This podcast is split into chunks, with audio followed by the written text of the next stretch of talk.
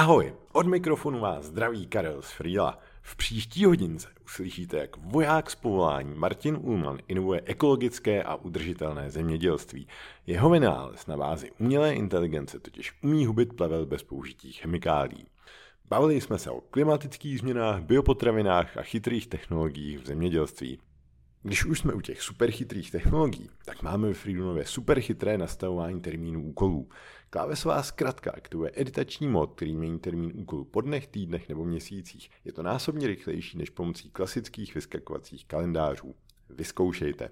Teď už ale nebudu zdržovat. Dámy a pánové, kluci a holky, přeju příjemný podcastový zážitek. Šťastnou cestu, pořádný workout, pohodové venčení, pletí záhonků, běhání nebo co podcastu zrovna děláte.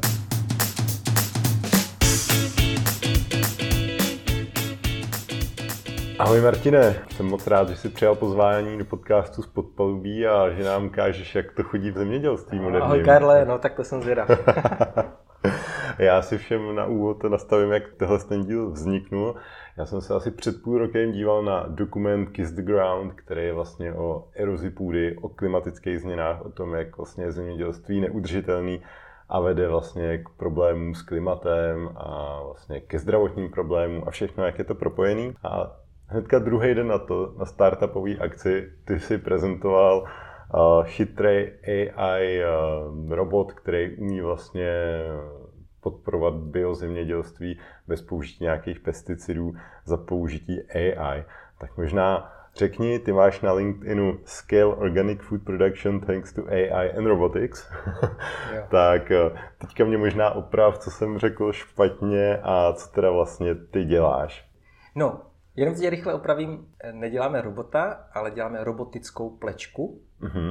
To znamená, není to žádný to vozítko, co jezdí samo po poli, to ať se trápí jiní, ale je to vozítko nebo stroj, který dáš za traktor a vlastně ta robotická část je v tom, v tom stroji samotném. A finta, finta je v tom, že vlastně je problém s plevelí. Vlastně. Když někdo připraví pole, pěstuje tam nějakou plodinu, tak tam hnedka začne růst plevel. A plevel se odstraňuje dneska většinou chemickými postřiky, které teda nejsou moc dobré, anebo v biologickém nebo ekologickém zemědělství ručně. Mm-hmm. No a my přicházíme s řešením, nejsme první samozřejmě, ale v Česku ano, přicházíme s řešením, kdy vlastně ten stroj dokáže tu plodinu rozpoznat oproti tomu plevelu a ty plecí nože, co tam jsou, tak vlastně vyhnou se té plodině, ale uh, posekají nebo podryjou ten plevel. Mm-hmm. A když to uděláš prostě na šest řádků najednou, dáš to za traktor, tak najednou je to prostě výkonné jak eh, v podstatě si 60 kopaček Slovenska třeba. kopaček to je jako, to nebude ten, to nebude ten babiček, fotbalista. babiček. Uh, takže to umožní vlastně biozemědělcům ušetří tu námahu a tu ruční práci, která je drahá a zároveň lidi nejsou, takže můžou pěstovat na větších, větších plochách. No a v konvenčním zemědělství, kde se stříká, tak zase můžou nahradit ty postřiky. Ne všechny, ale ty třeba, které zabijí ten plevel, tak ten můžou nahradit tím plečkováním. A to se nebavím ani o tom, že to plečkování má velký pozitivní vliv. Vlastně to, to, to narušení té půdy, to okopávání vlastně má vliv na zadržování vody a zároveň i ta rostlina vlastně dostane více těch živin. Tak jak prostě na zahrádkách, proč lidi okopávají, to je přesně ono. Uh-huh. Takže a, a pak se to pěstuje bez chemie. Jo? Takže, takže tak, no. No a jak to teda funguje, ta mašinka? Tam je teda nějaký, nějaká kamera, která prostě jo. snímá, uh-huh. nad čím ten traktor jede a podle toho ten tak už se nějak otevře. V každém zavře. řádku máme kameru, a která snímá ten obraz. Ten potom eh, vyhodnocuje vlastně model eh, umělé inteligence a pak je tam ovládání těch nožů. To znamená, tam je třeba skloubit tu informaci, jestli tam ta plodina je nebo není, jak to rychle jede a kdy se ty nože mají otevřít a zavřít. A to je třeba udělat strašně rychle a bez internetu v podstatě a co nej, nejpřesněji. Mm-hmm. To, že je to bez internetu, je to problém, že jako se to musí spočítat přímo v tom traktoru někde, nebo... No, tam se jedná o milisekundy a tomu, aby si rozpoznal tu rostlinu, musíš mít ten model vlastně uh, přímo v tom uh, zařízení. Znamená, nemůžeš si připojit někde na Google Cloud a ptat se, co to je na té fotce, toto vidíme, jestli tam je rostlina plevel, a musí být všechno. My tam samozřejmě internet máme, ale to je spíš na vzdálenou kontrolu a tak dále, ale přímo to musí být co nejrychlejší. Vlastně ta samotná činnost. Mm-hmm. No a jak, jaký máte jako vize a plány, kam se chcete posunout třeba uh, v nějakém jakoby širším horizontu? Máte něco, jaký ultimátní cíl, jakože no, veškerý zemědělství musí jenom bio, nebo... No jako naše vize je udělat vlastně ty bioprodukty dostupnější, právě díky těmhle moderním technologiím. A to dostupnější je myšleno v tom, že bude moc více zemědělců pěstovat ekologicky. Tím pádem sníží se cena eh, vlastně za, tu, za ten produkt, protože už tam nebude potřeba tolik lidské práce, což věříme na trhu se projeví pozitivně i v nižší ceně, což bude mít dopad na to, že vlastně pak lidé si řeknou, tak už to není tak drahé ta bio, zelenina, tak já si ji koupím a to ještě víc akceleruje ten požadavek po těch plodinách a v podstatě chceme ekologické zemědělství přesunout ze středověku do novověku.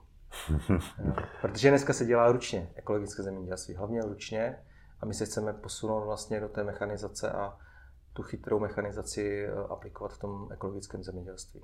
Mm-hmm. To je vize. No a aby jsme dosáhli toho co nejrychleji, tak krom toho, že jako snažíme se vytvářet i ty naše stroje, máme prototyp, hlavně začínáme jednat s výrobci zemědělských strojů a chceme to naše řešení, které jsme nedávno podali dokonce patent, tak chceme nabízet formou licence. A tím bychom měli to dostat na ten trh rychleji a hlavně ve větší škále.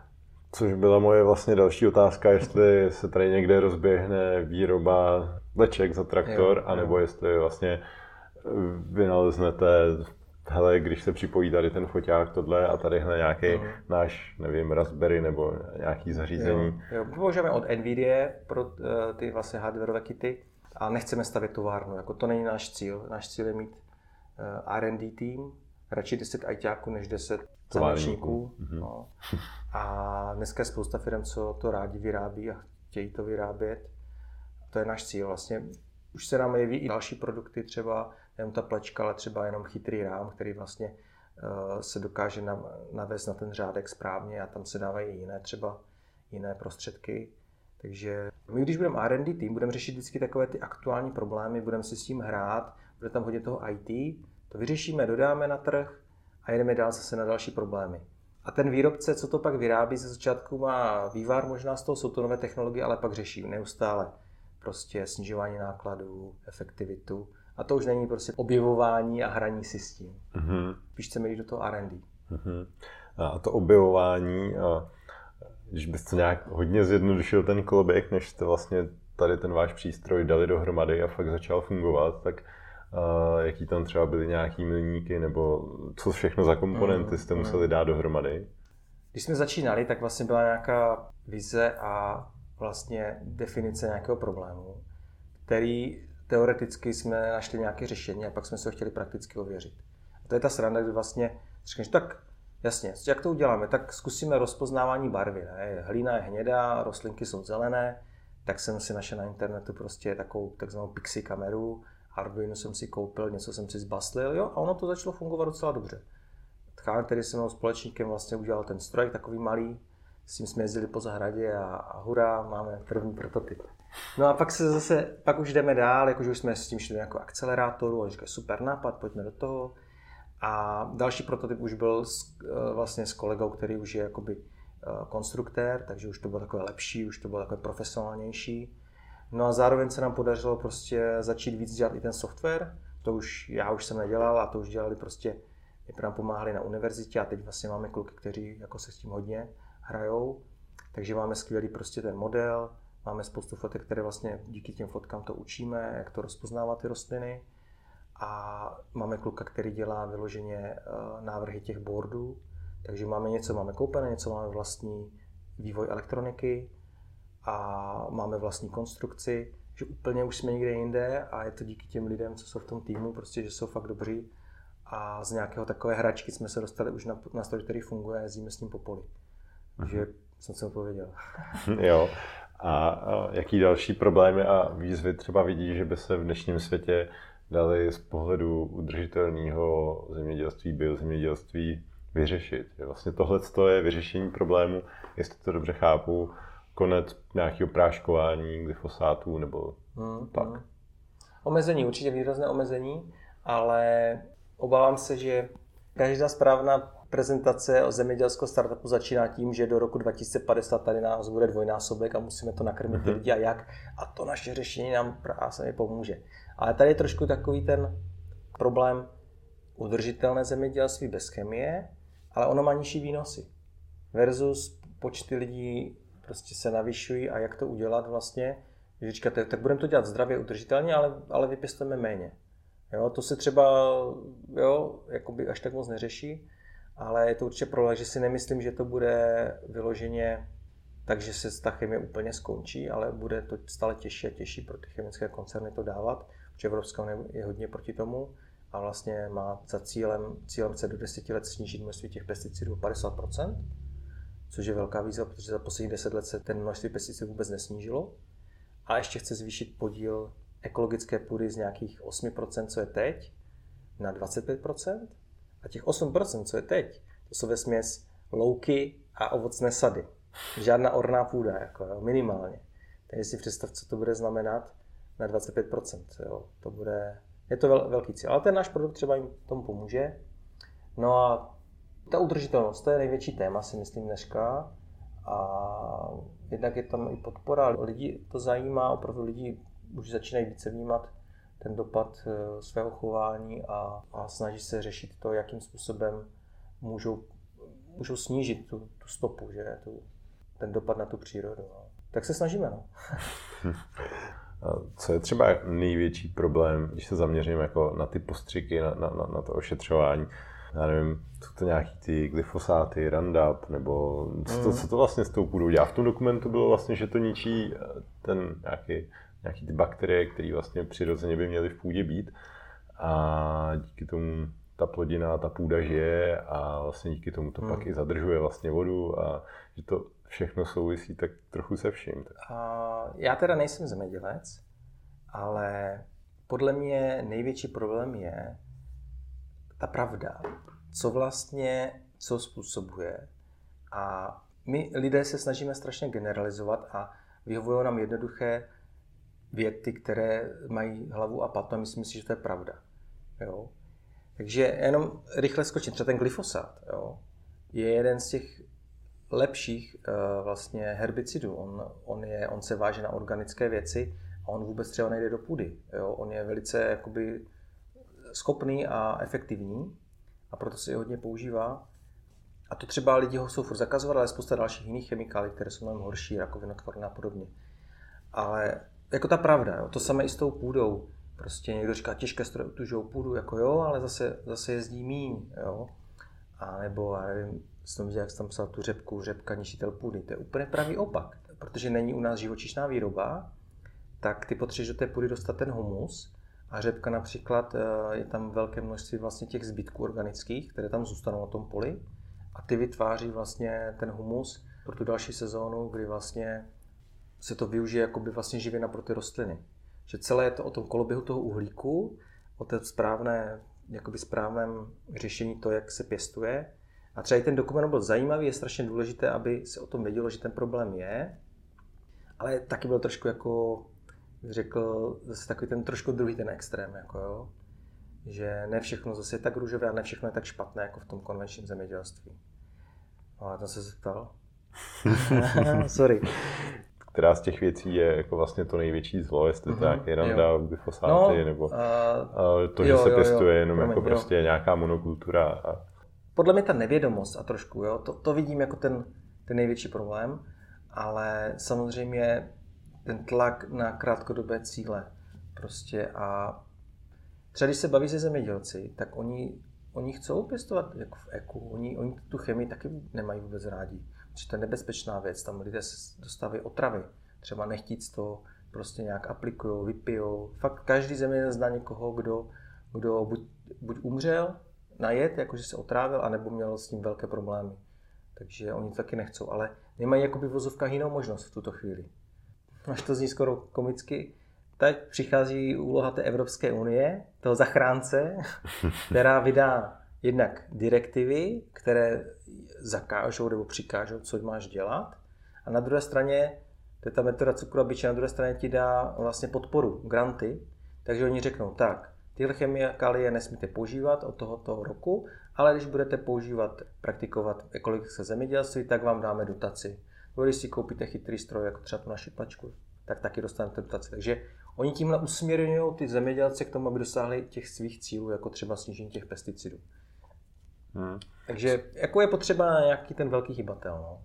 A co je pro toho zemědělce horší? Jsou to jako nějaký ty plevely, anebo třeba škůdci, jako nějaký, nějaký hmyz, něco, co to tam jde sežrat?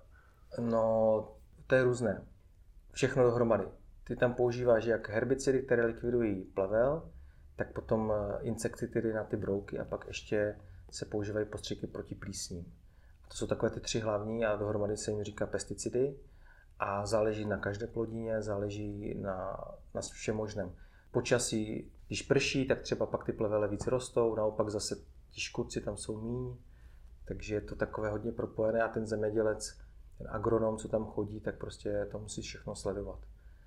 U insekticidů je to těžší, jako tam, tam to strašně záleží na obrovském množství faktorů. To nedokážeš třeba pohlídat, to může být, tam přiletí, něco sežere a zase odletí.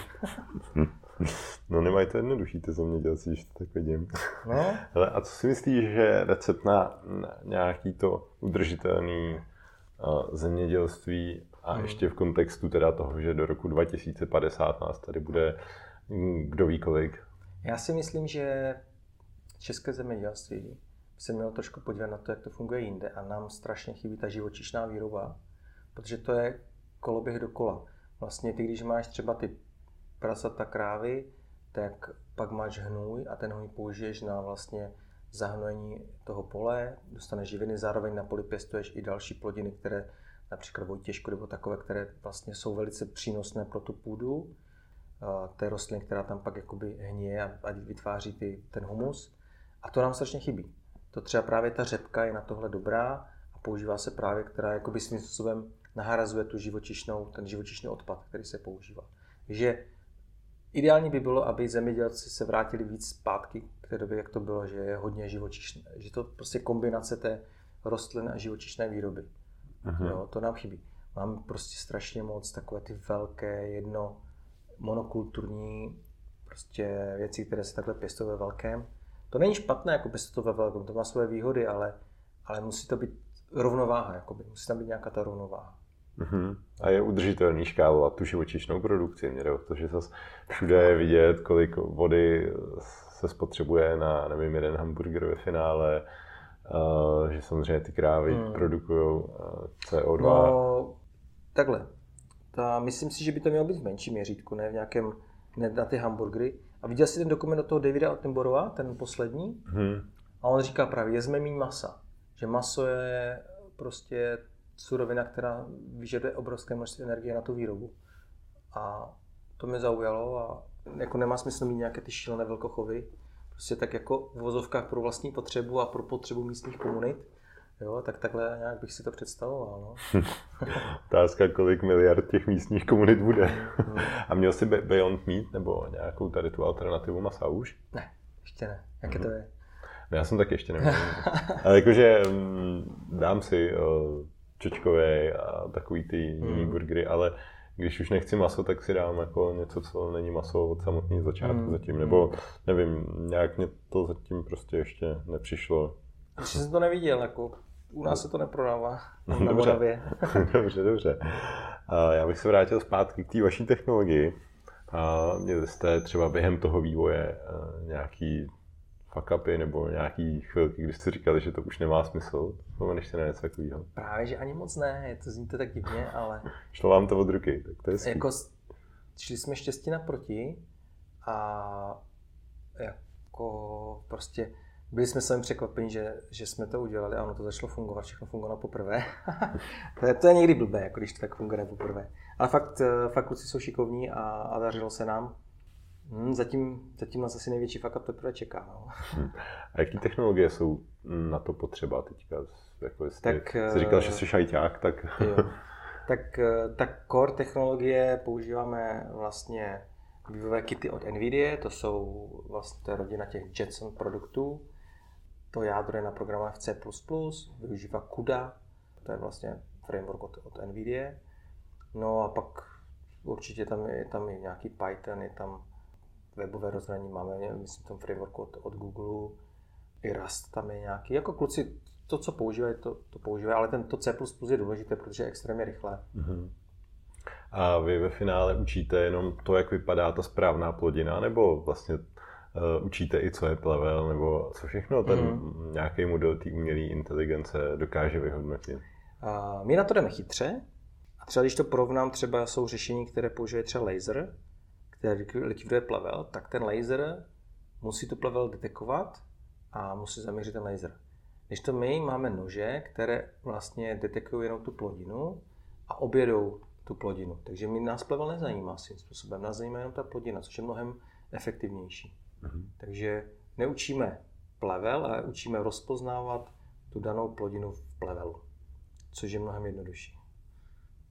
Mm-hmm. No a jak dlouho vám to teda zabralo celkově od toho, když jste s Chánem vyrazili no. na tu zahrádku? Tak teď to budou tak dva roky, no. Teď to budou tak dva roky od toho prvního počátku a vlastně velmi důležité jsou data vlastně snímkujeme ty, eh, vlastně ty rostliny a labelujeme vlastně ty fotky a ten dataset, který vytváříme, už je hodně velký a neustále se zlepšuje a vlastně ten model se učí takzvaně generalizovat.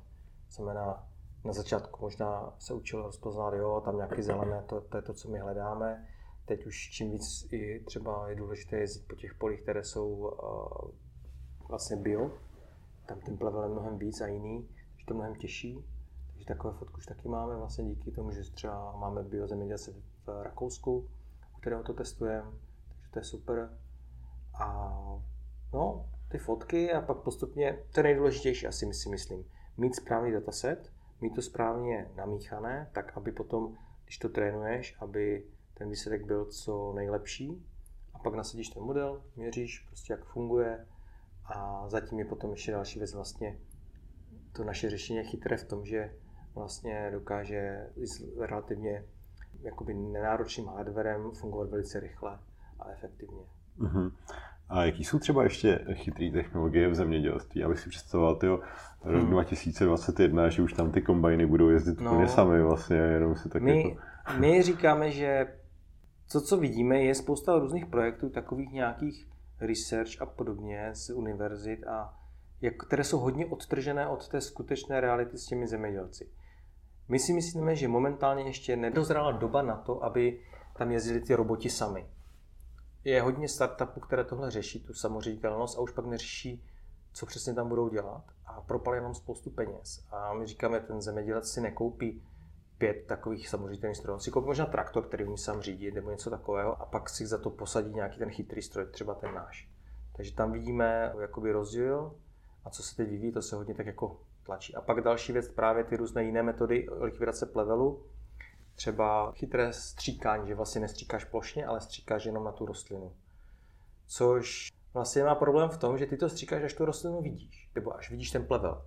Ten laser taky likviduje, až to vidí. Ale my, když plečkujeme a ty nože jedou v té hlíně, a je nám jedno, jestli tam ten plevel nebo ne, tak on vlastně my ho likvidujeme ještě není vidět ani. On je třeba to semínko teprve zraje v té hlíně a my už to projedeme a vlastně omezíme ten růst toho plevelu.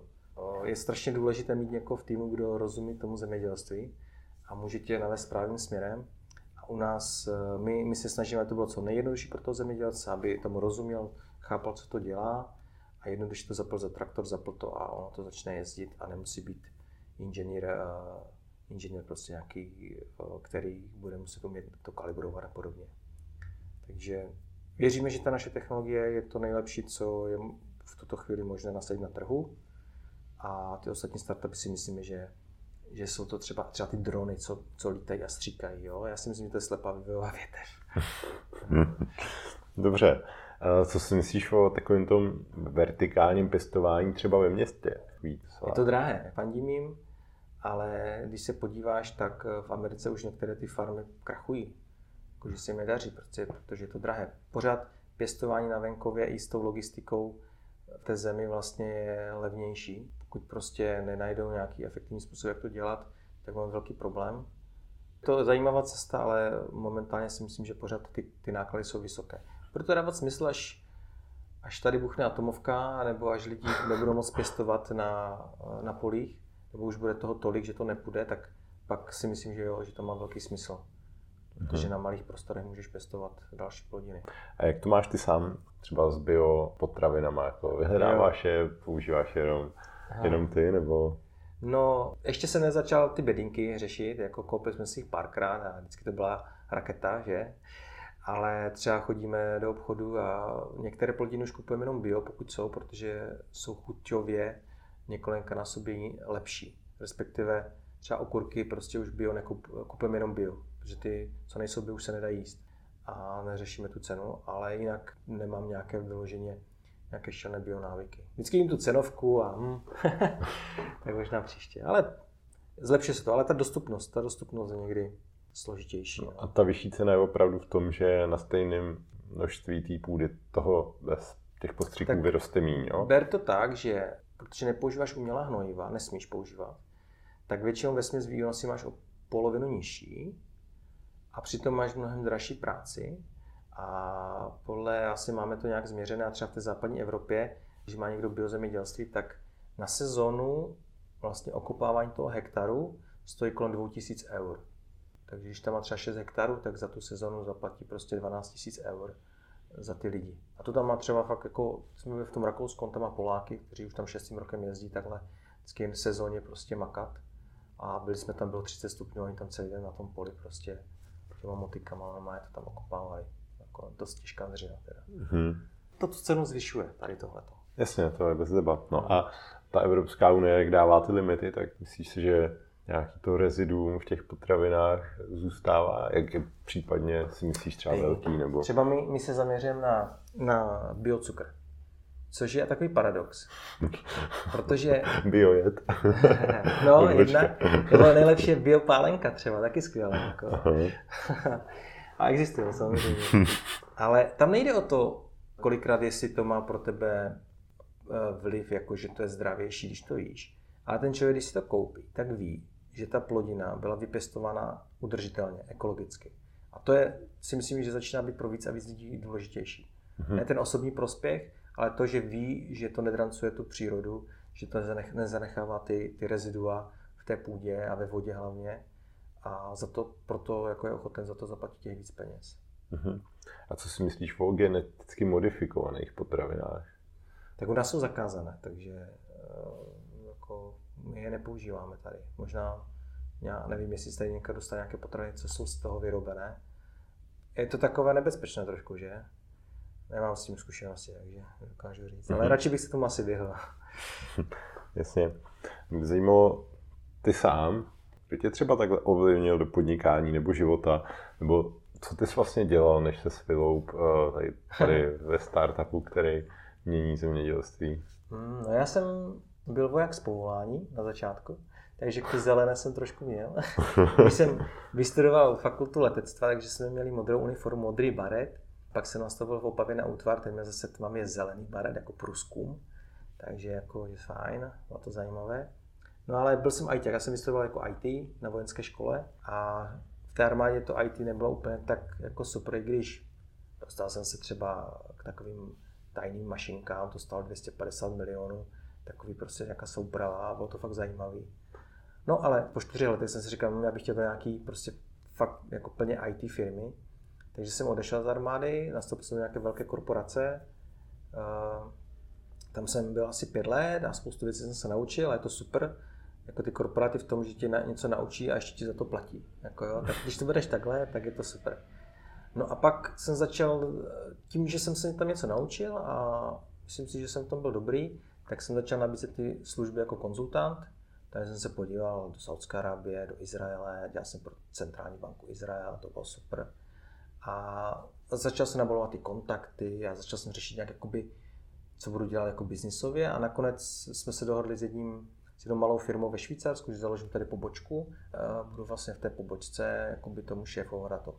Takže super, dream job, založil jsem pobočku, byl jsem jednatelem, řešil jsem to. No ale zase pořád jsem nebyl svým pánem, takže jsem se zase spoustu věcí naučil, jak se vede firma, co to obnáší komplet, od účetnictví v podstatě, které je externí, až po vedení lidí, trochu víc, ta, prostě ta práce s tou firmou. Viděl jsem i některé věci, prostě, které se mi nelíbily a zase jsem narážel na ty limity toho, že se musí někoho ptát, A všichni dávali souhlasy, nemůžeš nic dělat sám. A to mě jako moc nebavilo. A pak vlastně jsme se, v podstatě jsem už pak nesouznil s tou vizí a s tím způsobem, jak to funguje. A nějakým způsobem na, na oslavě narození jsem se začal bavit s Kánem a on říkal, ty máme takový problém v tom zemědělství. A já říkám, hm, to je zajímavý a teď mě to strašně jako tak to bliklo, to spojení toho IT a zemědělství dohromady. Říkám, to je úžasné, to dáme dohromady, ne? A tak jsem na tom začal tak po večerech pracovat a pak víc a víc, pak jsme to začali někým řešit, jestli, jestli myslíš, že to je dobrý nápad. Jo, to je skvělý, skvělý, běž tady, hele, tady je taková dotace, ne, MSK, startup voucher, přihlaš se tam, to je za 14 dnů, deadline, aha, a to musím asi založit firmu, no, tak jsme rychle založili firmu, přihlásili se, vyhráli jsme půl milionu, a super, pak jsme vyhráli na Greenlight Accelerator a tak se to postupně začalo nabalovat. A teď už prostě jsme tým asi zhruba sedmi lidí, ne full time, ale jako part time a někteří jsme full time a, a jedeme jako jedeme bomby. Hrajete takovou startupovou ligu, všude si vždycky vy, vyhrajete peníze. Někdo jede investice, vy jedete soutěže, tak to je hezký. Eh, dokud to jde, radši vyplním 20 nějakých eh, grantových žádostí a dostanu nějaký penízky, ať bych nemusel dávat equity. A to se nám hodně dařilo. Vlastně jsme za tu dobu, co teď jsme, tak asi jsme nazbírali skoro 0,8 milionů eur na těch non-dilutive na rozjezd super a strašně nám to pomáhá. A jak už se bavíme s investory. Teď jsme v pondělí jsme udělali oznámení, že jsme se dostali do akcelerátoru Mass Challenge Switzerland, uh-huh. který je jako špičkový akcelerátor právě, tak se těšíme. No. Je to zajímavé s těma investorama, jakoby my na rovinu jako teď v tuto chvíli si říkáme, jestli ty investory potřebujeme nebo nepotřebujeme, jestli už začínáme evidovat tak jako nějaký zájem, možná možnou poptávku, ať už po našich tom prototypu, nebo i nějaké projekty, jakoby, co ještě další by chtěli třeba někteří vyvinout. A přijde mi, že s těmi investorami v Česku prostě oni jsou všichni e-commerce, e-commerce a jako zemědělský hardwareový startup prostě problém, jo, že, se, že nás neumí zařadit do nějaké škatulky, tak uvidíme jestli budou mít zájem a jestli my budeme mít zájem. A spíš si myslím, že to je tak, že lidi chodí, že chcou peníze od investorů a investoři mi je nechtějí dát a pak jak se to překlopí a je úspěšný ten startup, tak zase investoři chodí, že by chtěli investovat, ale sorry, už, jako, už vás nepotřebujeme. Jo, jo. jo. Uh, ten business model, který plánujete, je, že vy vlastně hmm. máte nějaký patent nebo budete mít patent, budete mít v podstatě postup té výroby toho, toho vozíku hmm. a kdokoliv si bude moct ten vozík vyrobit, dát tam svoje... Kdokoliv, kdo nám zaplatí. Jasně, kdokoliv... Jo, jo, jo, tak bychom to tak chtěli. To... Eh, vlastně software jakoby zjednodušeně, že řeknu, nejde patentovat. Eh, ten hlavně budete furt rozvíjet. A ten se bude rozvíjet a jde patentovat to kolem a tím, že tam je i ten hardware, tak vlastně my nějakým způsobem to chráníme, to naše duševní vlastnictví tím patentem a tohle chceme nabízet těm firmám, vlastně to, to know-how, ten software, plus třeba jak vypadá ten hardware, možná i ty hardwareové kity, které si budeme třeba vyrábět. A jo, tohle nabídneme za nějakou licenci, nebo možná budeme vyrábět své vlastní stroje, což si myslím, že asi ne, že spíš s někým. A může, to strašně záleží, do jaké míry ten zákazník bude ochoten a jak velkou tu licenci bude chtít. A jakoby představ si, že děláš firmu, jako vyrábí zemědělské stroje, to jsou většinou bývalí kováři, v podstatě rodinné firmy, kováři a tak. A IT prostě je něco, co oni absolutně neumí uchopit. Jsou výjimky, ale ve směs fakt mm, jako ptám se na to a potvrzujeme to spousta mm-hmm. lidí, že IT je pro ně obrovský problém a my v tom vidím velkou šanci vlastně, že oni z toho svého stroje, třeba z té, když to řeknu hloupé plečky, bez toho IT, tak za nějaký relativně nevelký peníz můžou z toho udělat stroj, který místo za 400 tisíc opravdu za 2 miliony. Jo, jakože na, ta užitná hodnota obrovsky zroste. Mm-hmm. Takže to pro ně uh, bude určitě velmi zajímavé. No a proč to doteď třeba firmy typu John Deere, prostě obrovské firmy, které, nevím, vyrábějí, předpokládám, asi tisíce, deset tisíce nebo kolik tady těch různých traktorů, kombajnů. Jak to, že to ještě nemají a není to standard? No, John Deere, problém těch velkých firm je, že jim to ničí biznis. Jakoby oni mají, John Deere třeba vyrábí postřikovače. Postřikovače vlastně to je náš konkurent, ty chemické postřikovače, takže pro ně je to vlastně nějaká určitá kanibalizace, ale zároveň zrovna John Deere před pár lety koupil za nějaký skoro 400 milionů dolarů startup Blue River, který se věnuje právě tomu rozpoznávání a aplikuje ty chytré postřiky. Takže oni jsou aktivní, to zase ne, že ne. ale mají s tím problém vlastně, že to tak jak banky prostě je spousta věcí, které by mohly fungovat lépe, ale oni to nenasazují, protože si konkurují vlast, s vlastními službami. Hmm. Jako, Tam se mi líbí teda většinou, když někdo radši skanibalizuje sám sobě službu dřív, než to prostě udělá někdo jiný. A oni, jako je, my si myslíme, že až, až prostě, že to dojde do toho stádia, kdy vlastně ten, ta velká firma si říká, my to potřebujeme taky, už to musíme, a začnou se dívat po takovýchhle chytrých startupech a pak nějaký takový třeba koupit za slušný peníz, protože to budou chtít okamžitě mít řešení a většinou to tak ty velké korporáty dělají, že, že kupují jiné firmy s know-how, než aby to sami vyvíjeli, protože v korporátu vyvíjet něco je, to je extrémně drahé uh-huh. a neefektivní. Dobrá, dobrá. Já bych se vrátil ještě zpátky k tobě. Kdo tebe třeba, Martine, v podnikání nejvíc ovlivnil a čím? Hmm, v podnikání? Jaký vzor? No, já jsem se... Četl jsem knížky třeba toho Richarda Bransona, mm-hmm. co znáš, Virgin, Virgin Galactics. Galactics. Jasně. Super, ten je fakt, eh, jako se mi to hodně líbilo. A pak doporučím i tu knížku od uh, Total Recall od Arnolda Schwarzeneggera. On je v podstatě taky takový entrepreneur mm-hmm. svým způsobem.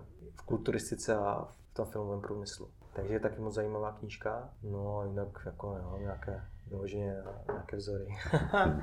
a kdyby ty sám sobě směl něco poradit, tak by si zkázal nějakým 18-letým Martinovi. Hmm. No to nevím, to jo. Jako, přemýšlel jsem, co něco chytrého říct. Napadají mi jako takové dvě věci. Co je těžké a co bych chtěl někdo dosáhnout, je ta poznání té pravdy. Strašně těžké v dnešní době vlastně zjistit, co, je, co pravda je. Jako, ona samozřejmě pravda je z různého pohledu jiná, ale i tak to, co vidíme kolem sebe, to, co čteme, tak eh, je to strašně těžké poznat tu pravdu. A druhá věc Myslíš je... Myslíš kvůli tomu, že spousta věcí má návaznosti to, na další ano, věci? Třeba to ne... globální oteplování existuje, to neexistuje. Každý říká něco jiného. A teď, kde je ta pravda? Jako, jo? Je to opravdu tak, nebo ne? Je to výchylka, prostě, která se stane jednou za tisíc let, ne, jakože příroda, nebo jsme to my. Jo? Je spousta prostě táborů, co říkají to i to bohužel ty diskuze na internetu jsou vyhrocené, všechno dneska už neumí nikdo debatovat a hledat koncenzus, všichni jenom se napadají, tak je to takové smutné. Ale co třeba mi napadlo jako takový tip, co mi pomohlo, jak jsem vlastně tak celé to začal. Začal jsem běhat kdysi. Mm-hmm. A to ti pročistí hlavu a začne tě napadat prostě myšlenky a pak jsem zatím šel, jako, že jsem prostě byl běhat, jen tak jsem si řekl, tak půjdu běhat. Ať něco dělám, protože se furt zadýchávám nebo něco, tak jsem začal běhat a třeba, to jo, hele, já tady tohle vím, co kdybych začal psat blog? To mi tom, při tom běhání napadlo. Tak jsem začal psat nějaký blog, ohledně toho tématu, co jsem řešil v práci a najednou se mi tam prostě začali jako lidi spojovat a to a řekl, to je super, ne? A, to, a z toho vznikly třeba ty první zakázky, že mi pak napsal prostě, že hele, nechtěl bys pro nás dělat něco, jo, nějaký projekt? A řekl, no super. Mm-hmm. Jo? A nedělal jsem to pro peníze v tu chvíli, jo? dělal jsem to prostě jenom, prostě, že jsem chtěl se podělit o nějakou tu znalost, kterou jsem měl. Neustále, když chodím běhat, tak neustále mě napadají prostě další myšlenky a vyčistí se to a vlastně asi při tom nedostatku kyslíku a to najednou zjistíš, co je vlastně důležité. Jo? Mm-hmm. Fakt eh, doporučuji všem nějakou takovou aktivitu, neposlouchat toho podcast, spíš fakt nebo hudbu nějakou a najednou začne člověk přemýšlet a no, to nutí, jakoby, jo. Mm-hmm. Takže to, to doporučuji všem, těm mladým, jako, něco takového si najít. To souhlasím, já samozřejmě taky jako běžec.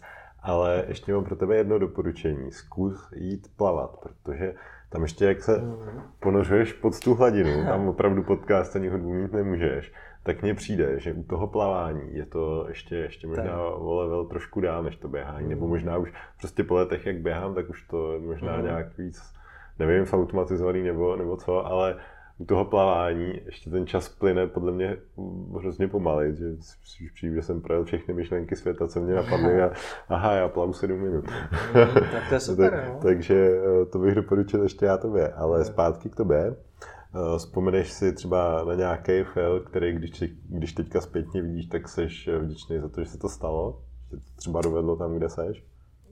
Jako teď mi napadá taková, a to není ani tak fail, dávali jsme nějakou žádost, na Grantu Touchru, tady českou, a to nakonec nevyšlo, nějak tam jeden hodnotil na zařízl, tak jsem to strašně bral tak jako, že to bylo nefér, že se moc na to nepodíval a, a kdybych tam měl možnost mu prostě to vysvětlit, tak nás špatně třeba nehodnotil a dneska to beru jako pozitivně, to zkušenost a hlavně ještě, že tak, že jsme ten Toucher nezískali, že by to zase byly jiné problémy s tím.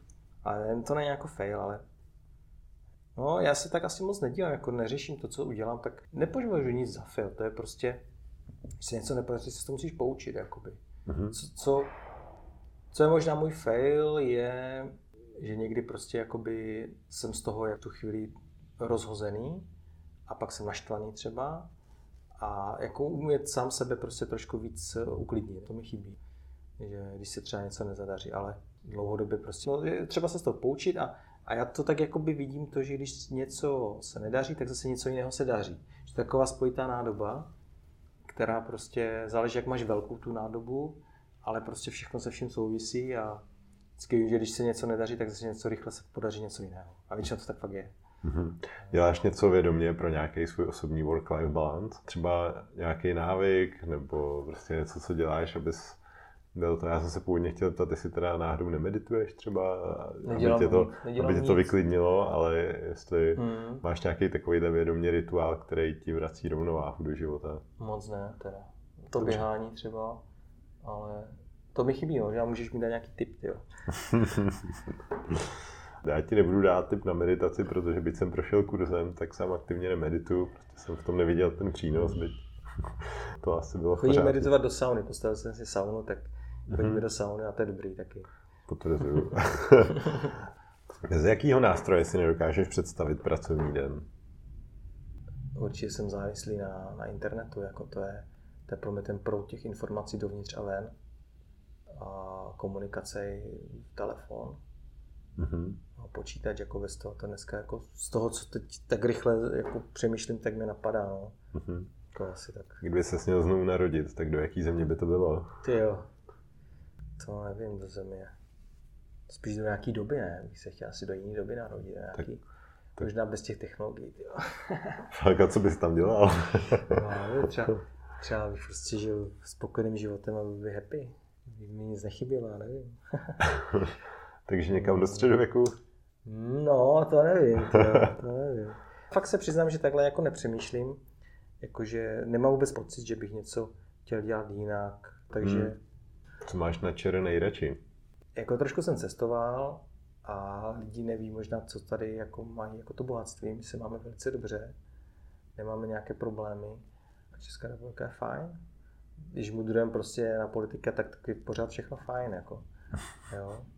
A s čím to porovnáváš? Jenom se jakou zemí, kde třeba? No, když třeba jsem pracoval chvilku třeba ve Frankfurtu a projdeš se tam potom jejich hlavním nádraží a okolí, kde tam jsou ať už migranti, kteří tam prostě spí na madracích prostě venku, nebo drogově závislí kolem a prostě tam všude, tak si řekneš, ty jo, jakože to tady máme, tak, tak hrozně to tady nemáme. Nebo když prostě jsi třeba, nevím, někde Izrael, Saudská Arabie, tam jsou fakt pouště, polopouště, jakože žádné lesy, nic takového. Tak jako tak si řekl, tak máme krásnou přírodu, prostě nemáme tady žádné války, nemáme tu chudobu a vím prostě i třeba lidi třeba z Anglie se třeba stěhují do Česka, že tu prostě mají lep, lepší životní úroveň, jakoby nevydělají tolik peněz, ale mají se lépe. Hmm. No. Jasně. Kdo je podle tebe úspěšný? Podle mě někdo, kdo prostě je spokojený sám se sebou a se svým životem, tak ten je úspěšný. Rozhodně to vidím na sobě, že vlastně vím, že v případě uspějem jako a budeme, já nevím, třeba peníze, tak to asi velice rychle zjistí, že to úspěch není. Pro mě je úspěch to, když se nám daří, když prostě něco jde, když se posunujeme, když lidi mají z toho, co děláme, nějaký, nějakou radost, jo? nebo dávají to najevo, prostě to je skvělé, to je super, to se mi líbí, tak to mi jako, z toho mám radost a to mě posiluje a, a je to fajn a teď vnímám, že prostě dělám něco, co jsem vždycky chtěl dělat, že dělám něco na svém, ne pro někoho jiného a na svém rozhodeme se sami za sebe a, a to je úžasné. Jako jo. A to vám chci říct, že zatím se nám daří. Takže si myslím, že to jsme v té- té nejlepší fázi toho startupu. Jako, jo. Teď v tom začátku jakoby, toho dobývání toho světa. Hezký. A poslední otázka. Jo, kdybys teďka mohl dát něco na billboard, nějaký vzkaz Martina a, všichni bychom to tady zkoukli při nějaký cestě někam, tak co bys si zkázal? Hmm. Jako hledej pravdu, bych asi, protože to je nejtěžší. Jako. Aby lidi nebrali informace, co si někde přečtou jako dogma, aby nad tím přemýšleli a to by bylo asi nejdůležitější, aby vlastně to viděli, co se děje a z pohledu svého i proč když někdo něco napíše, proč tam asi píše. Jako zatím je, většinou je tam něco skovaného, jako, že tím dává najevo třeba chce něco propagovat nebo chce ovlivnit nějaký názor. Ne vždycky je to o tom jenom, že se, se podělit o něco jen tak. Hledej pravdu. Hledejte no. pravdu. Asi jo. Martine, díky moc za rozhovor a ať se vám s udržitelným a ekologickým zemědělstvím daří. Díky, díky a ať se daří tobě. Díky, že jste to poslechli až sem. Máte fakt výdrž. Jestli se vám podcast líbil, tak mi uděláte velkou radost, když to někde nazdílíte, olejkujete nebo hvězdičkujete. Aby vám neutekly příští díly, tak si dejte odběr ve vaší oblíbené podcastové aplikaci. S podpalubí se loučí Karel z Frýla.